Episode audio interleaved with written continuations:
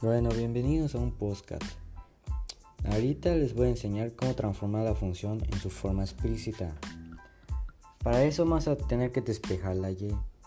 Para despejarla vamos a pasar todo lo que esté del lado izquierdo, empezando con los números, a su lado derecho. Pero no se les olvide que se tiene que cambiar su símbolo.